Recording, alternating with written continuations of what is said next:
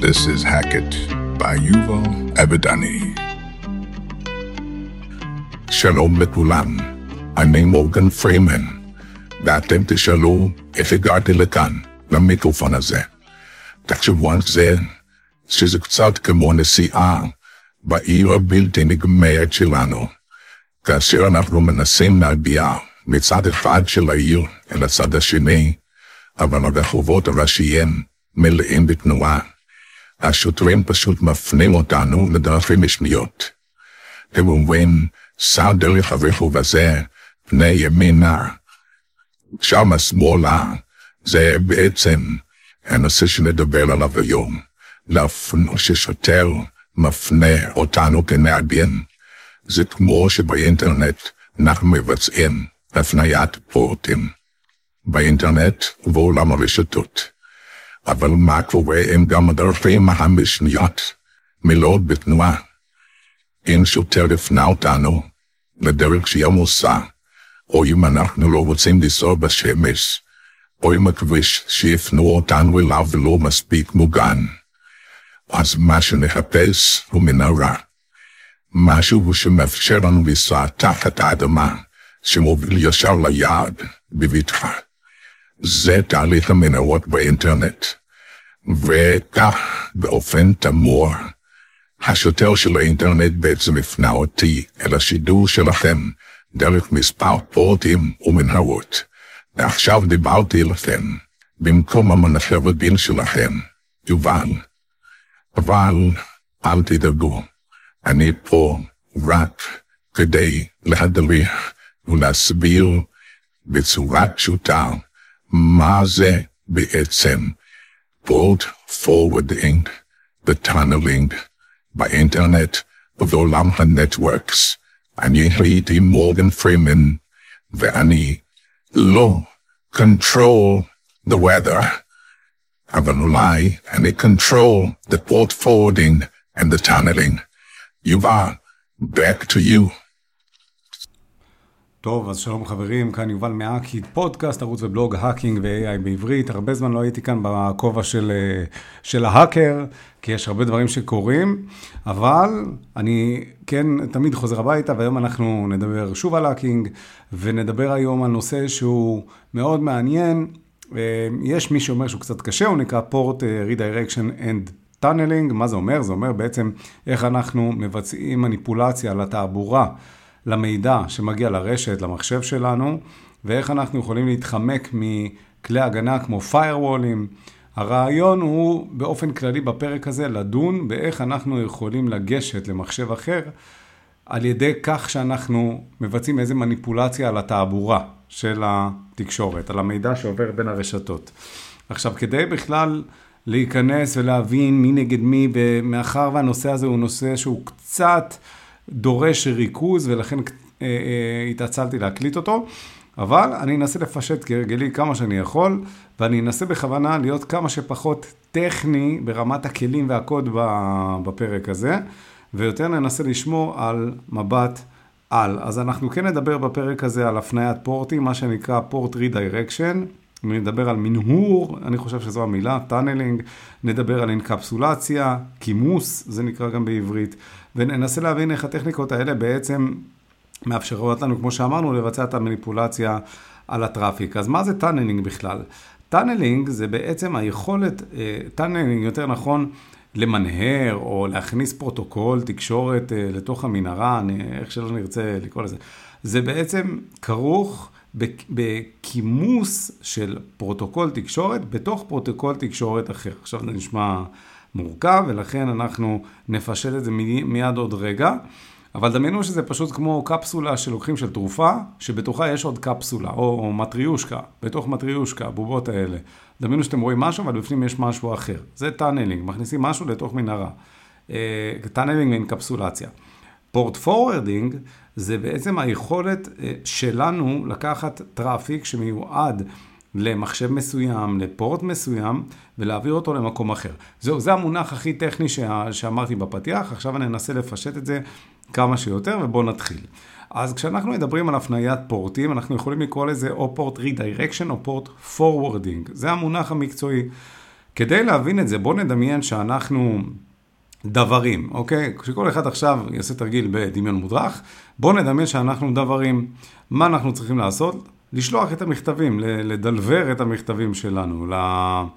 אני לא יודע איך קוראים לזה אפילו ללקוחות, כי אנחנו תמיד בצד שמקבלים את הדואר. איך קוראים למי שמקבל את הדואר, אתם יודעים? הנמענים, נכון? אנחנו הנמענים. אמ, אז בכל מקרה, אנחנו הדברים, אנחנו מקבלים מכתבים ואנחנו צריכים למסור אותם לנמענים שלנו. עכשיו, בואו נדמה שאנחנו, יש לנו כמות של מכתבים, ואנחנו צריכים להגיע לאיזשהו בניין שיש בו המון המון דירות. לכל דירה יש מספר. ככה בעצם לכל, אה, נקרא לזה יעד, יש פורט. עכשיו, רק מי שגר בדירה, בוא ניתן דוגמה, בדירה מספר אחת, הוא זה שאמור לקבל את המכתב. עכשיו, בוא נגיד שאותו בן אדם שנמצא בדירה מספר 1, אמור לקבל חבילה, ואני הדבר. והחבילה הזאת מאוד מאוד חשובה לו. אבל מה לעשות שהם לא יהיו בבית באותו יום וזה קורה לכולנו? אז מה אנחנו עושים? הדבר לא יכול לקבל החלטות על דעת עצמו. אותו שכן חביב, אותו נמען חביב, מה הוא אומר לי? כדבר, הוא אומר לי, תשמע, אני לא אהיה בבית, אבל יש לי שכן שגר בדירה מספר 2, אחלה בחור, קוראים לו איצקו, תן לו את החבילה, אני סומך עליו, בסדר, אתה טפל לי, סגור לי את הפינה הזאת. עכשיו, אני לא אגיד מה אתי, מה לא אתי, מה חוקי, מה לא חוקי. שורה התחתונה, הדוור רוצה למסור את החבילה, הנמען רוצה לקבל את החבילה. מה שהבחורצ'יק, הנמען שלנו, אמר לדוור, זה נקרא port forwarding. למה? כי הוא העביר אותו מדירה מספר 1 לדירה מספר 2. ככה בעצם בפורטים אנחנו יכולים להגיד, כל traffic שמגיע אלינו, אנחנו מעבירים אותו מפורט כזה לפורט אחר. זה נקרא port forwarding. ולמה שנעשה את זה? יש כל מיני סיבות. זה סיבות תקשורתיות, לא ניכנס לזה בשלב הזה, אבל תדעו לכם שיש לזה סיבות מוצדקות ברמת התקשורת של הרשת. זה port forwarding. עכשיו, אם אנחנו צריכים לתת דוגמאות למנהור, ל tunneling, אז בואו נחשוב על דוגמה נוספת. בואו נדמיין שאנחנו נוסעים באיזושהי מכונית, למשל נסענו, המשפחה שלי ואני, נסענו עם אשתי, הילדים, בשוויץ, באיטליה, מי שהיה בדולומיטים, מי שהיה באלפים השוויצריים, יש כל מיני כבישים נורא ארוכים, וההרים, וואו, איזה גובה, ההרים אה, מיתמרים לגובה שאין לתאר, מגיעים עד לעננים, אפילו חוצים אותם לפעמים. ובואו נגיד שאנחנו עכשיו נסענו שם, ואנחנו צריכים להגיע לפסגת ההר. עכשיו נכון, יש רכבלים, אה, רכבלים, לא יודע איך לקרוא לזה, אבל רכבלים, השם השגור. ואנחנו צריכים להגיע לפסגת ההר. בקיצור, אנחנו, יש לנו רק רכב. מה אנחנו נעשה? מה, אנחנו ניסע מסביב להר, נטפס, נעלה, נרד, עד שנצליח להגיע לפסגת ההר, הנשמה שלנו תצא. אמ, ואתם יודעים מה, בואו נלך שאנחנו אפילו, אפילו לא צריכים להגיע לפסגת ההר, אנחנו פשוט רוצים לחצות את ההר הזה, אנחנו לא יכולים פשוט לנסוע מסביב, כי חסום, ולא משנה. דמיינו שפשוט יש הר, צריך לנסוע סביבו, צריך להגיע לנתיב מסביב. אז או שאנחנו לוקחים דרך ארוכה, איזה מסלול ארוך, או שאנחנו אומרים, רגע, אין פה איזה מנהרה שחוצה את זה? שזה באמת מה שקורה בשוויץ, מה שקורה באיטליה, מה שקורה ב... גם אצלנו בארץ, בכל מיני, בהרי ירושלים, מנהרות הכרמל, יש לנו הרים שחצובה בפנים מנהרה, נכון? כדי שלא נצטרך לנסוע מסביב. אז אותו דבר גם tunneling באופן כללי, לפני שאני מדבר על אנקפסולציה, על כימוס, tunneling באופן כללי זה גם ליצור איזשהו קיצור דרך אה, שמאפשר לנו לעבור באיזשהו מסלול מוגן. אוקיי? שבמקום שאנחנו נעבור חופשי באינטרנט למשל, שזה מקום מזוהם, כי יש שם הרבה אה, traffic רב, הרבה תוקפים, במקום שנעבור ככה פגיעים במקום מאוד מסוכן, אז אנחנו הולכים עם חליפת מגן במסלול מאוד מוגן, יש לנו שיירה, יש לנו מנהרה ממוגנת שרק בה אנחנו חוצים. זה נקרא מסלול מוגן, זה ה tunnel. זה המנהרה שמאפשרת לנו גם להעביר traffic מקצה לקצה בצורה יעילה ומהירה, אבל זה גם שכבה של הגנה. למה זה שכבה של הגנה? כי רק אני אעבור שם ואני מוגן מפני העולם החיצון. וגם יש אה, פן של אה, אה, הצפנה.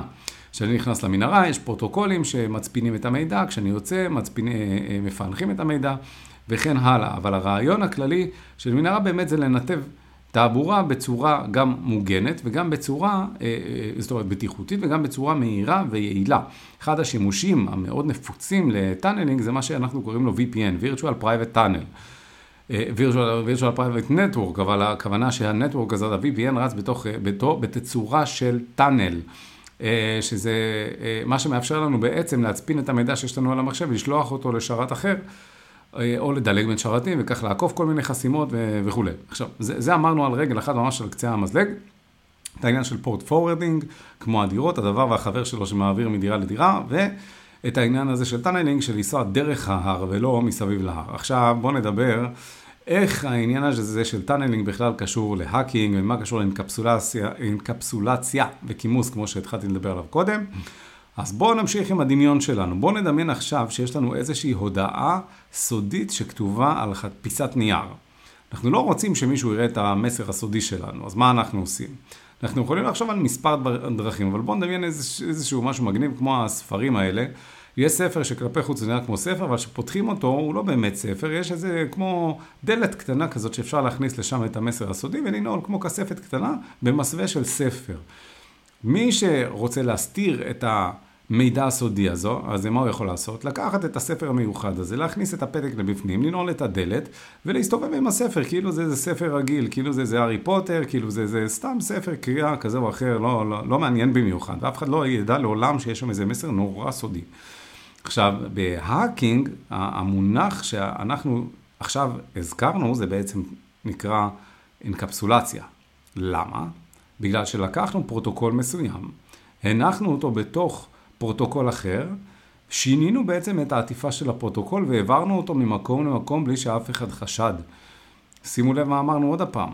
אנחנו לוקחים פרוטוקול תקשורת, מלבישים אותו לפרוטוקול, מחביאים אותו בתוך פרוטוקול אחר, שהוא כן מותר להשתמש בו, מעבירים מידע בתוך פרוטוקול מותר, למרות שאנחנו משתמשים במשהו אסור. זה נשמע קצת מסובך ותכף אני אנסה לפשט גם את זה.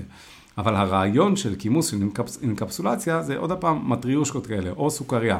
דמיינו שאתם עוטפים סוכריית שוקולד בתוך uh, עטיפה של uh, סוכריית, של, uh, של, של סוכריית uh, בית כנסת, הברזלים האלה שהם לא להיס ולא, uh, אי אפשר לאכול אותם, אי אפשר, אי אפשר לתרום אותם בקיצור, שובר שיניים מה שנקרא, שובר שורות.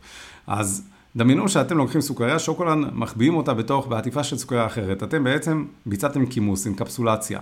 אינקפסולציה זה גם חלק, לא רק מהאקינג, אלא מעולם התקשורת. באופן כללי של כימוס, אמ, זה המונח המקצועי, כמו שמה שאנחנו אמרנו באנלוגיה שלנו עם הספר.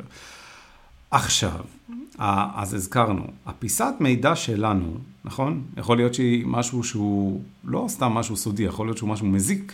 ואנחנו הכבנו אותו עכשיו בתוך ספר, יכול להיות שיש פה כאן משהו מזיק שאנחנו עושים כדי לעבור מנגנוני הגנה ואבטחה, בלי להזעיק את השומרים, בלי, בלי להפחיד אף אחד. זה דרך של תוקפים לעקוף בעצם חומות אש פיירוולים כדי אה, להימנע מחשיפה למתקפה. דמיינו לכם שיש לכם חומה, חומת אש, פיירוול של ממש, שהיא מתירה רק לאנשים מסוימים שלבושים בכובע אדום להיכנס פנימה. אתם רוצים להבריח כובע כחול. מה תעשו? אתם לא יכולים לעבור עם כובע אחר. אז מה, ש, מה שאנחנו מדברים עליו עכשיו ככימוס, אז הרעיון לעבור firewall הוא להגיד, אה, אוקיי, בוא נלביש את הכובע הכחול מתחת לכובע אדום, אנחנו נעבור, למה? כי ה-firewall לא מסתכל לעומק, הוא לא מוריד את הכובע האדום ומסתכל האם יש בפנים כובע כחול, הוא לא עושה את זה. הוא אומר, אם יש לך כובע אדום, כנס. במילים אחרות, הפורט ה, למשל, פורט 22 SSH פתוח, כן, כנס ב-SSH, לא אכפת לי אם החבאת בפנים עכשיו פרוטוקול אחר או לא אחר. זה לא, לא שלא אכפת לי, פשוט התעבורה גם מוצפנת. יש tunnel, יש מנהרה שחצבנו עכשיו בתקשורת והיא מוצפנת, ומה שאני מחביא בפנים, הוא לא יכול לדעת, הוא רק רואה את המעטפת החיצונית. והוא לא יודע מה יש בפנים אם הוא לא מבצע אה, DPI, Deep Packet Inspection. אם הוא לא ממש פותח את החבילה, מסתכל ובוחן ובודק, מה שהרבה פיירוולים אה, לא עושים, כי זה משפיע על המהירות ועל היעילות וכל הדברים האלה, וה performance, מה שנקרא. עכשיו, בואו נתחיל לדבר קצת תכלס על כלים. אחרי שהסברנו בגדול מה זה port forwarding, אחרי שניסינו להסביר ממש מה זה tunneling, מה זה אינקפסולציה וכאלה, בואו נדבר רגע איך אנחנו, ואיזה כלים יש לנו כדי לבצע port forwarding, מעבר רק להגדרות פשוטות ברשת. אז אני מדבר עכשיו על מכונות מבוססות יוניקס, לינוקס, קאלי לינוקס וכן הלאה. אז יש תוכנה שנקראת RINET-D. RINET-D זה בעצם איזושהי תוכנה שאנחנו יכולים להתקין, שעוזרת לנו לנווט את, את, את הטראפיק ממקום למקום. איך זה יכול אה, אה, לעזור לנו לצורך העניין? בואו נדמיין שיש לנו איזושהי רשת, איזה רשת מחשבים סגורה. למה אני מתכוון סגורה? הכוונה שלי, שנניח שיש איזשהו שרת אינטרנט שהוא חשוף לעולם, אבל יש גם אותו שרת אינטרנט מחובר למחשב אחר. המחשב האחר הזה סגור לאינטרנט. האם הוא יכול לגשת לאינטרנט או לא? זו השאלה. זה קצת קשה לדמיין את זה, ובגלל זה אני אדלג, חוץ מהדוגמה הזאת, על כל הדוגמאות הגרפיות האלה, כי נורא קשה לתאר את זה. אבל פשוט דמיינו לכם שיש מחשב שמחובר לאינטרנט, שהוא מנגיש אתרי אינטרנט, ויש מחשב אחר שלא מחובר לאינטרנט, אבל הוא כן מחובר לאותו מחשב.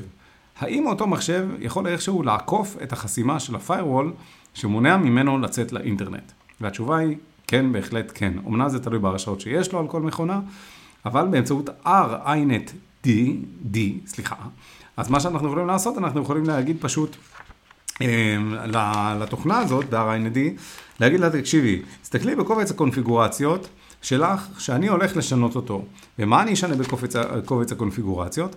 אני רוצה שתדעי שכל, כל בקשה, אוקיי? בשרת, על השרת עצמו שחשוף לאינטרנט, אני משנה את ההגדרה ואני אומר, כל בקשה שאני מקבל בפורט 80, אני למשל מעביר אותה לגוגל, ל-IP של גוגל, גם בפורט 80, ואני מחזיר אותה לאותו מי שפנה אליי. זה נשמע קצת מסובך, אבל זה ממש לא. עוד הפעם, דמיינו שיש לכם מחשב מנותק מהאינטרנט, מחובר למחשב שכן מחובר לאינטרנט. המחשב שמחובר לאינטרנט יכול לצאת לאינטרנט, והמחשב שלא מחובר לא יכול. אז מה שאנחנו עושים, אנחנו הולכים למחשב שמחובר לאינטרנט ואומרים לו, תשמע, כל בקשה שאתה מקבל, כל מכתב שאתה מקבל בפורט 80, בדלת מספר 80, אתה מעביר אותה עכשיו לכתובת כזו וכזו. זה מה שאתה עושה. ככה, זה מה שאנחנו עושים. ואז כשהמחשב שלא מחובר לאינטרנט יפנה אליו בפורט 80, אז הוא יעביר את זה החוצה לכתובת ההיא הבאה. הבנתם? ואז מה יקרה? אז במקום לצאת, אני, המחשב שלא יכול לצאת לאינטרנט, הוא הולך פשוט למתווך הזה, והמתווך הזה שולח לאינטרנט ומקבל חזרה ומחזיר לו את התשובה. זה מה שנקרא פורט פורורדינג באמצעות R-INET-D. זה התוכנה. אוקיי? זה, זה ברור למה תוקפים משתמשים בזה, נכון? הם יכולים אה, פשוט איכשהו להבריח, לצאת מרשתות, ל, ל, ל, להצליח לחמוק מכל מיני הגבלות. זה ה-RNAD. עכשיו אנחנו צוללים קצת לנתח המרכזי שהזכרתי קודם של tunneling. tunneling באמצעות SSH. SSH זה איזשהו פרוטוקול מאוד מאוד מפורסם ונפוץ, שמאפשר להתחבר בצורה מאובטחת, דהיינו מוצפנת בין מחשבים, בין נקודות קצה. בניגוד ל Telnet, שזה פרוטוקול אחר שעובד בפורט אחר, שבו התקשורת בין מחשבים מתבצעת באופן גלוי לחלוטין, דהיינו, אם אנחנו עכשיו נאזין לתעבורה ונסתכל עליה, מה עובר בחוטים, אנחנו נוכל לראות את המידע. אבל אם משתמשים ב-SSH, אנחנו, המידע הזה כבר עובר בתוך טאנל, מנהרה, כמו שהזכרנו. והמנהרה הזאת זה מנהרה סודית, זה מנהרה שהיא מוצפנת, זה מנהרה שאי אפשר פשוט לצוטט לה. אי אפשר, זה לא עובד ככה. יש הצפנה, הצפנה במנהרה. ולכן, השיטה, השימוש בפרוטוקול SSH הוא מאוד נפוץ ברמה תקשורתית. יש כל מיני סוגים של port אה, forwarding שאנחנו יכולים לבצע גם ברמת פרוטוקול ה-SSH. למשל, יש משהו שנקרא אה, local port forwarding ב-SSH, שאם אנחנו צריכים לדמיין את זה, אז זה כאילו יש לנו איזושהי תיבת דואר פרטית, כמו תא דואר, אתם מכירים את זה? יש תא דואר בסניפי הדואר. אז למרות שאני גר במקום מסוים, נניח אני גר בירושלים, אבל יש, פיזית אני גר בירושלים, אבל נניח שיש לי תא דואר, יש לי תיבת דואר בסניף הדואר. אז אני עדיין יכול להשתמש, למשל, להפנות תעבורה לתיבה הסודית והמוצפנת שלי במקרים מסוימים, ואת כל השאר לשלוח למקום אחר, או הפוך, או לחילופין. עכשיו, מה שעושים בדרך כלל, תוקפים במצב כזה, אז אם הדוגמה של הדואר, אז זה כאילו תוקף מצליח לשתות בדואר וגורם לו פשוט לשלוח את כל החבילות לתיבה הפרטית שלו. זו דוגמה קצת, קצת מטומטמת אולי, אבל זו דוגמה שהיא די נכונה. זאת אומרת, אפשר לשתות בעצם בצורה שבה מידע עובר, ונסביר את זה עוד הפעם. כשאני מדבר על SSH Local Port Forwarding, אני בעצם אומר, אוקיי, יש לי מחשב שהוא מחובר לאיזושהי רשת, והמחשב הזה יש עליו איזשהם הגבלות. הוא לא יכול לצאת לאינטרנט, כן יכול לצאת לאינטרנט, לא ניכנס לכל הדברים האלה לעומק עכשיו, כי זה נורא מסובך להסביר את זה בפודקאסט. אבל רק נדמיין שיש מחשב שמחובר לרשת ארגונית כלשהי, שהוא אמור להיות מוגן ושמור.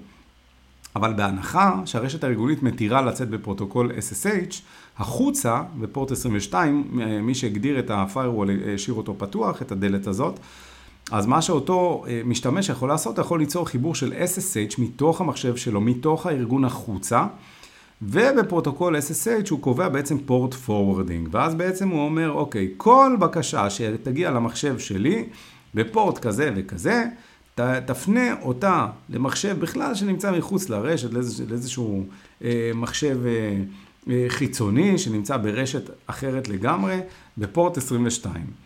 ואז מה קורה בעצם? כל מי שנמצא אצלי ברשת ופונה למחשב שלי, הוא בעצם פונה החוצה למחשב אחר של תוקף שנמצא מחוץ לרשת. למה? כי הרשת הגדירה שמותר לצאת בפורט 22, אז באמצעות tunneling מקומי, אנחנו יכולים להחביא את הכוונה האמיתית שלנו, את השימוש בפורט האמיתי שלנו, באמצעות פורט 22, ב-SSH tunnel, והכל מוצפן.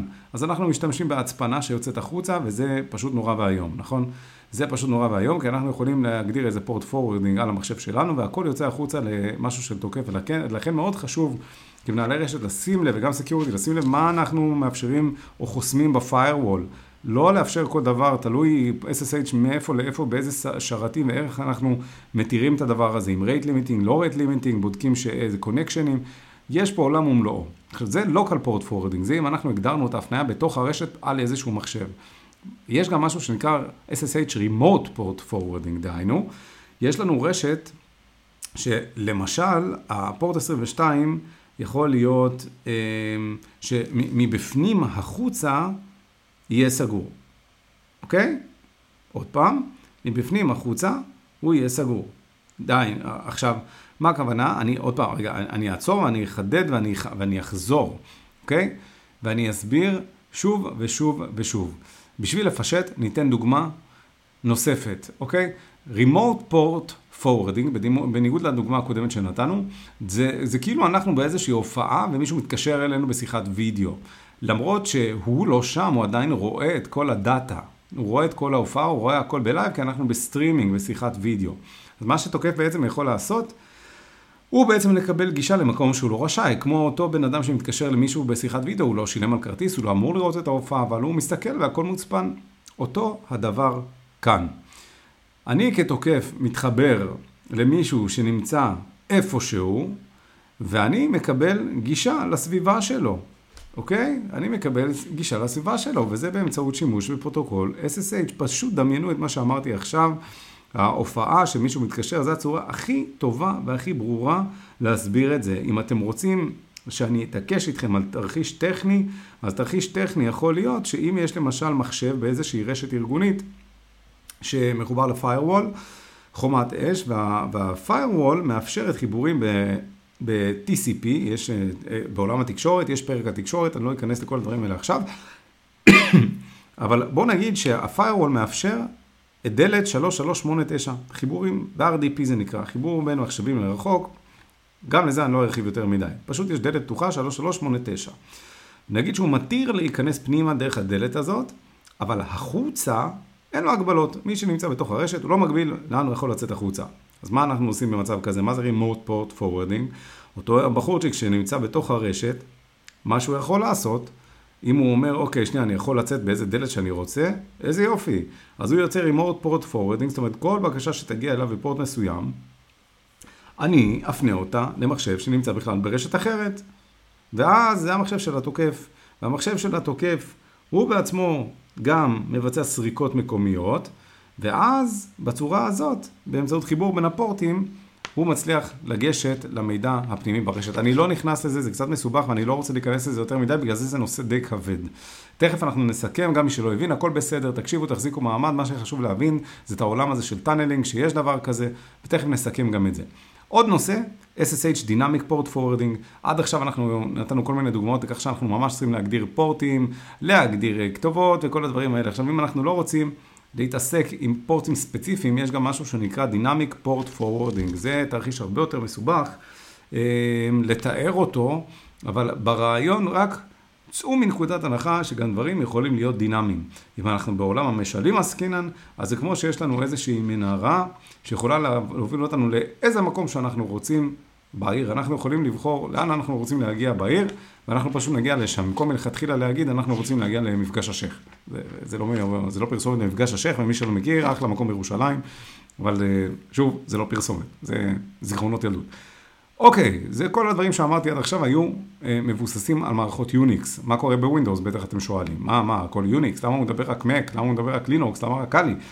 אז אוקיי, אז יש גם כלי שנקרא, כשאני אומר כלי אני מתכוון לתוכנה שנקראת plink.exe, בווינדוס שמאפשרת גם כן לבצע את כל המניפולציות האלה בעצם של, ה, של התקשורת.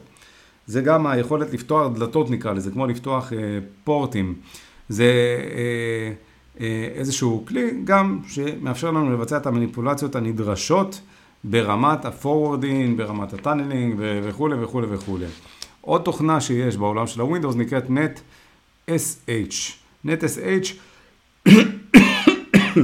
סליחה, זה גם אה, אה, איזשהו סקריפט איזשהו utility זה נקרא, בווינדוס, שמאפשר להציע כל מיני קונפיגורציות והגדרות של הרשת, אה, כמו לקבל איזשהו, איזושהי גישה ללוח הבקרה של כל הרמזורים בעיר, בערך, זה תעבורת הרשת, אז מובן שאם אה, תוקף משיג גישה על דבר כזה, אז הוא יכול אה, לשבש את התנועה, או יכול, אתם יודעים, כמו בסרטים, לתקוע, ליצור פקק באיזשהו מקום כדי להסתיר את זה שמישהו בורח ממקום אחר, סתם כדוגמה. עוד דבר שנדבר עליו עכשיו, זה משהו מאוד מעניין, סופר מעניין, שנקרא HTTP Tunneling, uh, through Deep Packet Inspection. אז עכשיו, כאילו, עד עכשיו דיברנו לעקוף firewallים, פורטים, פילטרים, כל הדברים האלה, מסובך, הכל, הכל בסדר. מה שקורה בדרך כלל, הוא שהרבה מהחברות מתירות פורטים שמבוססים על תקשורת ב-HTTP. תקשורת ווב, HTTP 80, 443, יכול להיות גם, אתם יודעים, פורטים רגילים, כל פורט שאתם חושבים עליו, זה יכול להעביר תקשורת בעיקרון אה, אה, גם HTTP, הכל תלוי מה מגדירים וכאלה, אבל באופן עקרוני, אנחנו עובדים עם 8443. עכשיו, בכל מקרה, מה שצריך להבין, הכלי הזה של HTTP tunneling, משהו, הוא, הוא, זה מאוד מעניין, כי מה שהוא מאפשר בעצם, הוא גורם ל traffic, שהוא לא traffic שנשלח ב web, להיראות כמו web. אוקיי? Okay? אני, אני מקווה שזה, שזה ברור. זה כמו, זה כמו בעצם להסתיר איזשהו, אה, אה, איזושהי הודעה סודית, כאילו זה מכתב רגיל. זה, זה להסוות משהו. אנחנו בעצם מראים כאילו, או, תסתכל, זה משהו, זה HTTP. זה, זה באמת, זה HTTP. זה כמו להראות, אה, להיכנס לבניין משרדים ולהגיד, ללבוש אה, בגד של אה, וולט ולהגיד, אה, אוקיי, אני השליח של וולט, הנה, תסתכל, יש לי בגדים של וולט, אני השליח, תן לי להיכנס. אז מה אם אני במשרדים של הפנטגון? תן לי להיכנס, אנשים כולם אוהבים אוכל, נכון? ואנשים לכאורה לא באמת בודקים את זה. HTTP tunneling, הפרוטוקול של ה-HTTP מראה משהו כלפי חוץ, בפנים הוא משהו אחר לגמרי. בקרבו ישים ארבו. ככה זה, זה, זה הציטוט, אם אתם רוצים, המקראי לעניין הזה. עכשיו, העניין הזה שבו אפשר להסוות שיטת תקשורת בצורה מסוימת, זה משהו שהוא די מתקדם, אבל הוא גם משהו מאוד מאוד מעניין. תחשבו עוד פעם שיש סט כלים שיכול לגרום לסוכן חשאי אפילו לראות כמו אדם רגיל, וככה בחיים לא יתפסו אותו. אז אותו דבר ברמה אפילו, אתם יודעים, אם זה מסקרן אתכם, אם זה מעניין אתכם, ברמה הכי טכנית, אז יש איזושהי באמת אה, הגדרה בקאלי לינוקס, שמאפשרת לנו פשוט להפעיל, להפעיל את הכלי הזה, וזה ממש, ממש פשוט. זה לא מסובך בכלל, יש פקודה שנקראת APT, APT מקף get, רווח install, רווח HTTP מקף tunnel, וזה מאפשר לנו כבר להשתמש אה, ביכולת של התוכנה הזאת, ויש את כל הקונפיגורציות, יש איזשהו סינטקס, זאת אומרת, הדרך שבה אנחנו משתמשים זה לרשום HTS רווח, ואז יש לנו כל מיני אפשרויות. של אה, מה הפורט שאליו אנחנו רוצים להתחבר, מה הפורט שממנו אנחנו מאזינים, באיזה פורט אנחנו רוצים לעבור וכן הלאה וכן הלאה. ומה שמעניין זה שהרבה פעמים בכל הדברים האלה, התעבורה היא מוצפנת. זאת אומרת שגם אנחנו מאזינים לתעבורה, הכל יהיה מוצפן ואנחנו לא נוכל לזהות שום דבר שהתוקף עשה. אוקיי, אז זה היה הפרק שלנו בעיקרון על נושא tunneling, על נושא port forwarding. אז נסכם רגע ונגיד, port forwarding זה גם שימושים ברמת התקשורת, שאנחנו צריכים להעביר תעבורה מ-port ל-port לשימושים כאלה ואחרים, כשאנחנו מחצינים שירותים חיצוניים, אבל אנחנו רוצים להנגיש אותם לשירותים פנימיים. סליחה. אה, אז אנחנו צריכים לבצע שימוש בדבר הזה. תוקף יכול לבצע מניפולציות, כמו שאמרנו, אם הוא ברשת והוא יכול לבצע מניפולציה על מחשב אחר ברשת. שלמחשב האחר הזה יש גישה לאינטרנט ולא אין, או האינטרנט זה סתם דוגמה אחת, אבל יכול להיות אלף ואחת דוגמאות אחרות שבהן כן אפשר לעשות שימוש מאוד אכזרי לדברים האלה. אה, כי תוקפים כהרגלם יכולים באמת לבצע ולתקוף, וזה לא נעים כשחוטפים מתקפות כאלה. אז זה העניין של port forwarding בדוגמאות הכי פשוטות, גם ברמת ה-rinetd, הכלי שהזכרנו, וגם ברמות ה-SSH, דיברנו על SSH אה, Local Port Forwarding, על Remote Port Forwarding, על Dynamic Port Forwarding, לא תצאו מה-port forwarding אה, בפרק הזה. ודיברנו גם על tunneling, הסברנו שזה כמו לנסוע דרך ההר ולא לעקוף את ההר. הסברנו למה, בגלל שזה גם מוגן, זה כמו ללכת בשכונה מסוכנת. אתם לא רוצים להיות חשופים באינטרנט, אתם לא רוצים להיות חשופים בסביבה מסוכנת, אתם רוצים להיות מוגנים, אתם רוצים ללכת ברחובות מוארים, אתם רוצים להיות ברחובות שמגינים עליכם ושומרים עליכם. אותו הדבר כאן, אנחנו רוצים להיות ברחובות מוגנים. איך אנחנו עושים את זה בעולם של ה-web, של האינטרנט, של התקשורת? אנחנו עובדים עם מנהרות, עם tunneling, SSH, שומרים על התעבורה שאף אחד לא יאזין, שאף אחד לא, לא יקשיב לנו. אמ, ועוד דבר שחשוב בעניין הזה, זה להבין גם את העולם של ה-VPN ים. אנחנו, כשאנחנו עובדים עם VPNים, יש גרסאות חינמיות, יש גרסאות בתשלום, יש טובים יותר, יש טובים פחות, לא ניכנס לכל העניין הזה, ולהגנת הפרטיות, והאם באמת מגינים עלינו, שומרים עלינו, זה העולם הוא לא שהרבה אנשים אוהבים לדבר על, ה, על העניינים האלה.